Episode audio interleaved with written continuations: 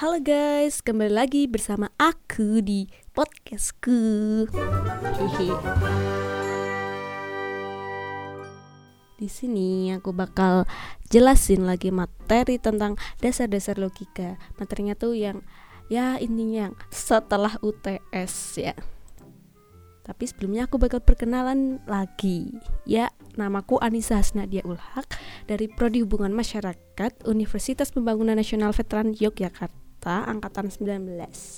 Untuk kali ini aku bakal jelasin dua materi, subbab materi. Yang pertama ada term, definisi dan klasifikasi dan yang kedua ada inversi langsung dan tidak langsung. Oke. Okay, let's go. Uh, let's go. Kita Sebab pertama ada term, definisi dan klasifikasi. Yang pertama aku bakal jelasin tentang term atau kata. Apa sih term itu?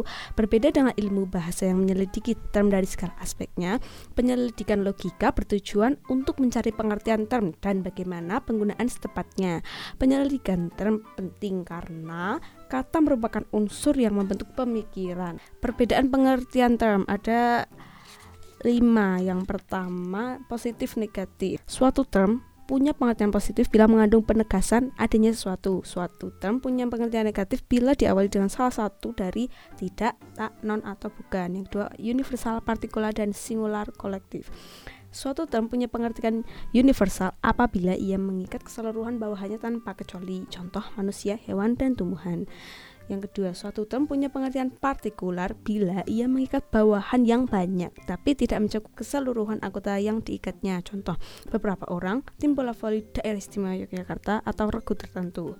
Yang ketiga, suatu term punya pengertian singular apabila ia mengikat suatu bawaan sebagai anggota. Bisa berupa nama unik, kata yang diimbuhi ini dan itu, nama diri atau lainnya. Yang terakhir, suatu term punya pengertian kolektif apabila ia mengikat sejumlah barang yang punya persamaan fungsi yang membentuk suatu kesatuan. Contoh, polisi, himpunan mahasiswa jurusan. Yang ketiga ada konkret dan abstrak. Abstrak maksudku. Suatu term punya pengertian konkret apabila ia menunjukkan kepada suatu benda, orang lain atau apa saja yang punya eksistensi tertentu. Suatu term punya pengertian abstrak apabila ia menunjuk kepada sifat keadaan kegiatan yang dilepas dari objek tertentu. Yang keempat ada mutlak dan relatif. Suatu term mempunyai pengertian mutlak apabila ia dapat dipahami dengan sendirinya tanpa membutuhkan hubungan dengan benda lain. Contohnya buku, rumah, kuda. Suatu term punya pengertian relatif bila ia tidak dapat dipahami dengan sendirinya, tetapi harus selalu ada hubungannya dengan benda lain. Contoh ayah, pemimpin, kakak, adik. Yang terakhir ada univok equivok dan analog. Univok adalah kata yang punya suatu makna yang jelas, tidak membingungkan. Contoh, meja, pulpen, pensil. Equivok adalah kata yang mengandung makna lebih dari satu, umumnya makna, dua makna. Contohnya bunga, bulan, buku. Dan terakhir ada analog adalah kata yang dalam pemakaiannya punya makna yang berbeda dengan makna asli, tapi masih punya persamaan juga. Sebab kedua ada klasifikasi. Manusia akan hidup dalam kebingungan bila tidak dapat mengidentifikasi kompleksitas entitas di dalam dunia. Interaksi dengan objek, mengenali objek, membentuk konsep term atau kata yang dikaitkan dengan objek lain yang mirip dengannya pada titik itu lah Selanjutnya menghasilkan klasifikasi. Klasifikasi dibagi menjadi dua, yaitu ada alamiah dan buatan. Alamiah ditetapkan untuk menata sesuatu berdasar sifat dasarnya, disebut juga dengan klasifikasi ilmiah. Kalau buatan diarahkan untuk memungkinkan kita menangani kompleksitas sesuatu di kondisi tertentu secepat dan semudah mungkin. Dibagi, menjadi dua lagi yaitu klasifikasi indeks dan klasifikasi diagnosis. Kalau kepo ya udah cari sendiri. Capek aku ngomongnya. Yang terakhir ada definisi. Berasal dari kata Latin definitio yang berarti pembatasan. Definisi memiliki tugas khusus yaitu menjelaskan arti kata-kata atau term. Definisi merupakan suatu susunan kata yang digunakan untuk menetapkan arti bagi suatu kata atau suatu bagi suatu grup kata dilakukan dengan tepat, jelas, dan singkat. Definisi dibagi menjadi dua bentuk.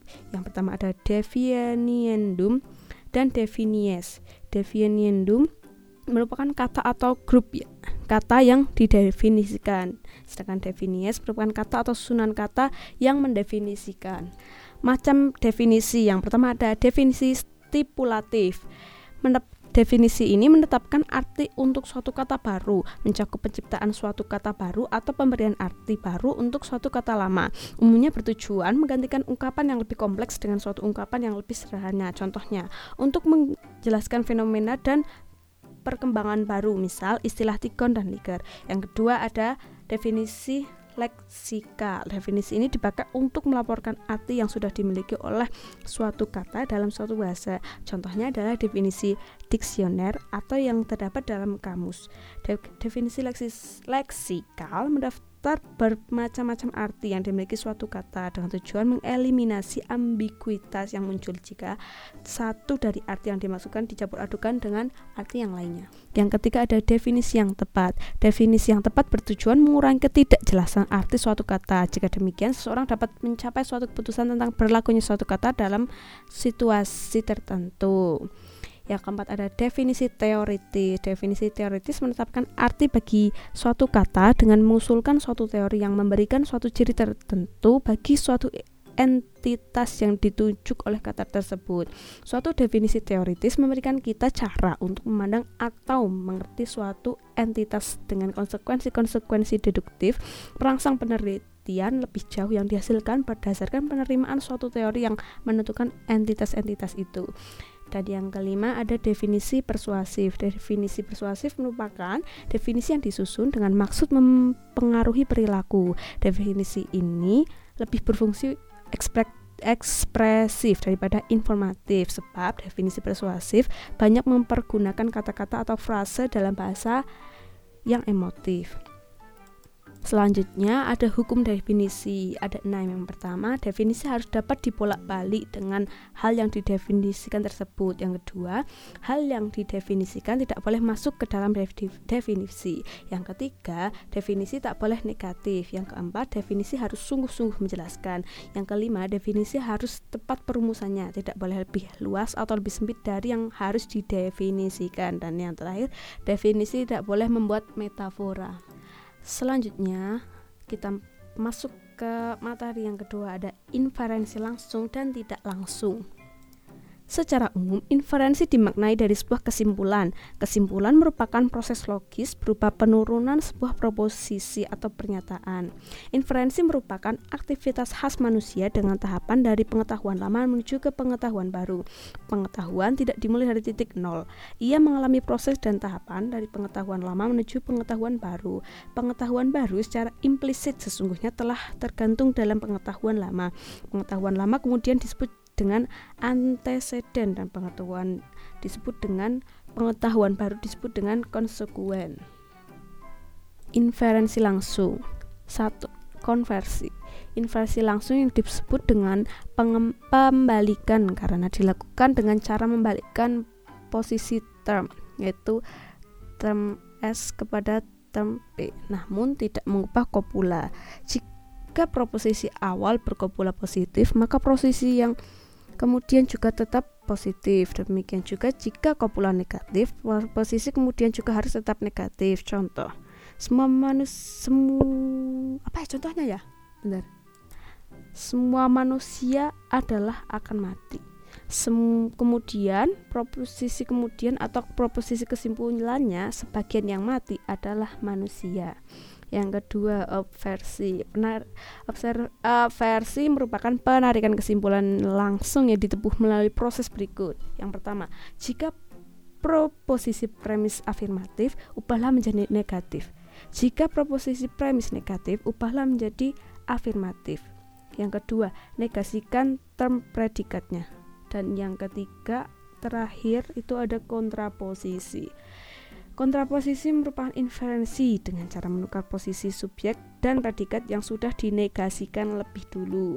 Penarikan kesimpulan langsung kontraposisi dapat dilakukan melalui negasikan terms supaya term dan pred, sub, term subjek dan predikatnya. Kon, lalu konversikan term subjek dan term predikat predikat yang telah dinegasikan tersebut. Selanjutnya ada oposisi. Dalam logika kita bak bakal mengenal empat jenis proposisi yaitu universal afirmatif yang semua S adalah P disebut proposisi A. Universal negatif semua S bukan P proposisi E. Yang ketiga partikular afirmatif sebagian S adalah P proposisi I. Dan yang keempat partikular negatif sebagian S bukan P proposisi U tujuan utama menyelidiki proposisi proposisi kategoris adalah untuk mengungkapkan semua semua peran proposisi dalam formasi sebuah argumen. Namun, ternyata kita tidak bisa menginterpretasikan proposisi universal A dan E dalam dua cara, di mana menurut interpretasi yang satu, sebuah argumen bisa valid, sementara menurut interpretasi lainnya, bisa invalid. Oleh karena itu, sebelum mengevaluasi argumen, kita harus mengeksplorasi dua kemungkinan interpretasi proposisi universal dengan fokus pada existential import. Nah, apa existential import itu? Existential import merupakan apabila sebuah proposisi membuat klaim sebuah eksistensi atau tidak untuk mengetahui apakah sebuah proposisi punya existential import, kita harus bertanya apakah proposisi tersebut membuat klaim tentang eksistensi atau tidak. Contoh, semua film Tom Cruise terkenal, semua unicorn adalah hewan berjula satu. Pernyataan pertama tidak mengandung kebenaran, namun ia memiliki existential import karena kita tahu Tom Cruise benar-benar eksis atau ada. Demikian juga dengan film-filmnya. Selanjutnya, pernyataan kedua tidak punya eksistensial import karena kita tahu bahwa unicorn adalah sesuatu yang tidak nyata atau tidak ada. Dalam menginterpretasikan proposisi universal A dan E ada dua perspektif. Yang pertama ada perspektif dari Aristoteles yang merupakan perspektif tradisional. Jika proposisi universal maupun partikular mengacu pada hal yang nyata, maka ia punya klaim eksistensi atau existential import. Jika pos proposisi mengacu pada hal-hal imaginary atau hal yang tidak nyata, maka ia tidak punya existential import. Yang kedua ada perspektif modern oleh Bule. Bule. Bule ya? Jika proposisi universal mengacu pada hal yang nyata, ia tidak punya klaim eksistensi atau existential import. Jika proposisi partikular mengacu pada hal-hal yang nyata, maka ia punya klaim eksistensis atau existential import. Jika proposisi mengacu pada hal-hal imajinari yang tidak nyata, maka ia tidak punya existential import. Nah, Aristoteles dan Boole ini setuju bahwa proposisi yang mengandung imajiner tidak memiliki existential import. Tapi ada bedanya. Perbedaannya itu Aristoteles menganggap bahwa ya pernyataan universal bisa memiliki existential import dan membuat pernyataan existential import. Sebaliknya, boleh berpikir sebaliknya. Yang mana pernyataan universal tidak bisa memiliki eksistensial import dan tidak bisa membuat pernyataan eksistensial import. Selanjutnya ada inverse tidak langsung atau silogisme. Kata tidak langsung menunjukkan bahwa dari suatu proposisi tidak dapat secara langsung ditarik suatu kesimpulan. Contoh, inferensi tidak langsung. Semua ikan adalah hidup di air. Setiap arwana adalah ikan. Oleh karena itu, setiap arwana adalah hidup di air. Nah, dari contoh di atas, kita tidak dapat menarik kesimpulan arwana hidup di air tanpa dipasang terlebih dahulu proposisi perantara atau premis minor. Sementara pada penyimpulan langsung dari satu proposisi bisa ditarik suatu kesimpulan dan kata lain tidak diperlukan proposisi antara premis minor. Pembahasan silogisme bisa dibagi menjadi tiga yaitu silogisme kategoris, silogisme hipotesis, dan silogisme disjungtif. Tetapi dalam mata kuliah ini hanya akan diterangkan satu silogisme secara mendalam yaitu silogisme kategoris. Apa sih silogisme kategoris itu? Silogisme kategoris adalah silogisme adalah argumen yang deduktif yang terdiri dari dua premis dan sebuah kesimpulan. Format standar silogisme kategoris harus harus memiliki syarat empat syarat, yaitu yang pertama, seluruh pernyataan harus berupa proposisi A, E, I, atau O. Yang kedua, dua kemunculan dalam masing-masing term adalah identik. Yang ketiga, masing-masing term digunakan dengan arti yang sama di dalam sebuah argumen. Dan yang keempat atau yang terakhir, premis mayor selalu ada di urutan pertama. Dalam silogisme kategoris, elemen terkecil adalah term S. Term S bukan hanya kata yang memiliki hanya kata yang digunakan, namun juga merupakan makna dari serangkaian kata-kata setiap proposisi memiliki. Hah? Gimana sih?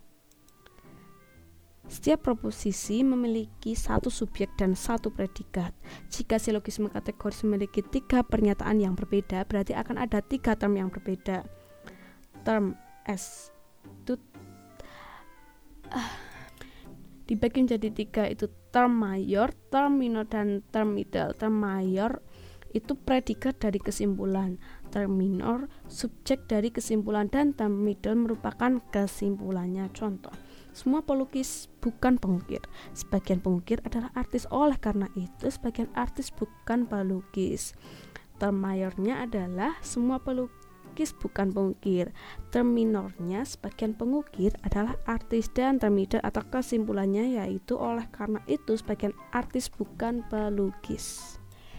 Oke, itu dia materi dari aku. Semoga bisa menambah pengetahuan kalian dan apabila ada salah kata ataupun salah informasi dari aku, ya wajarnya manusia salah.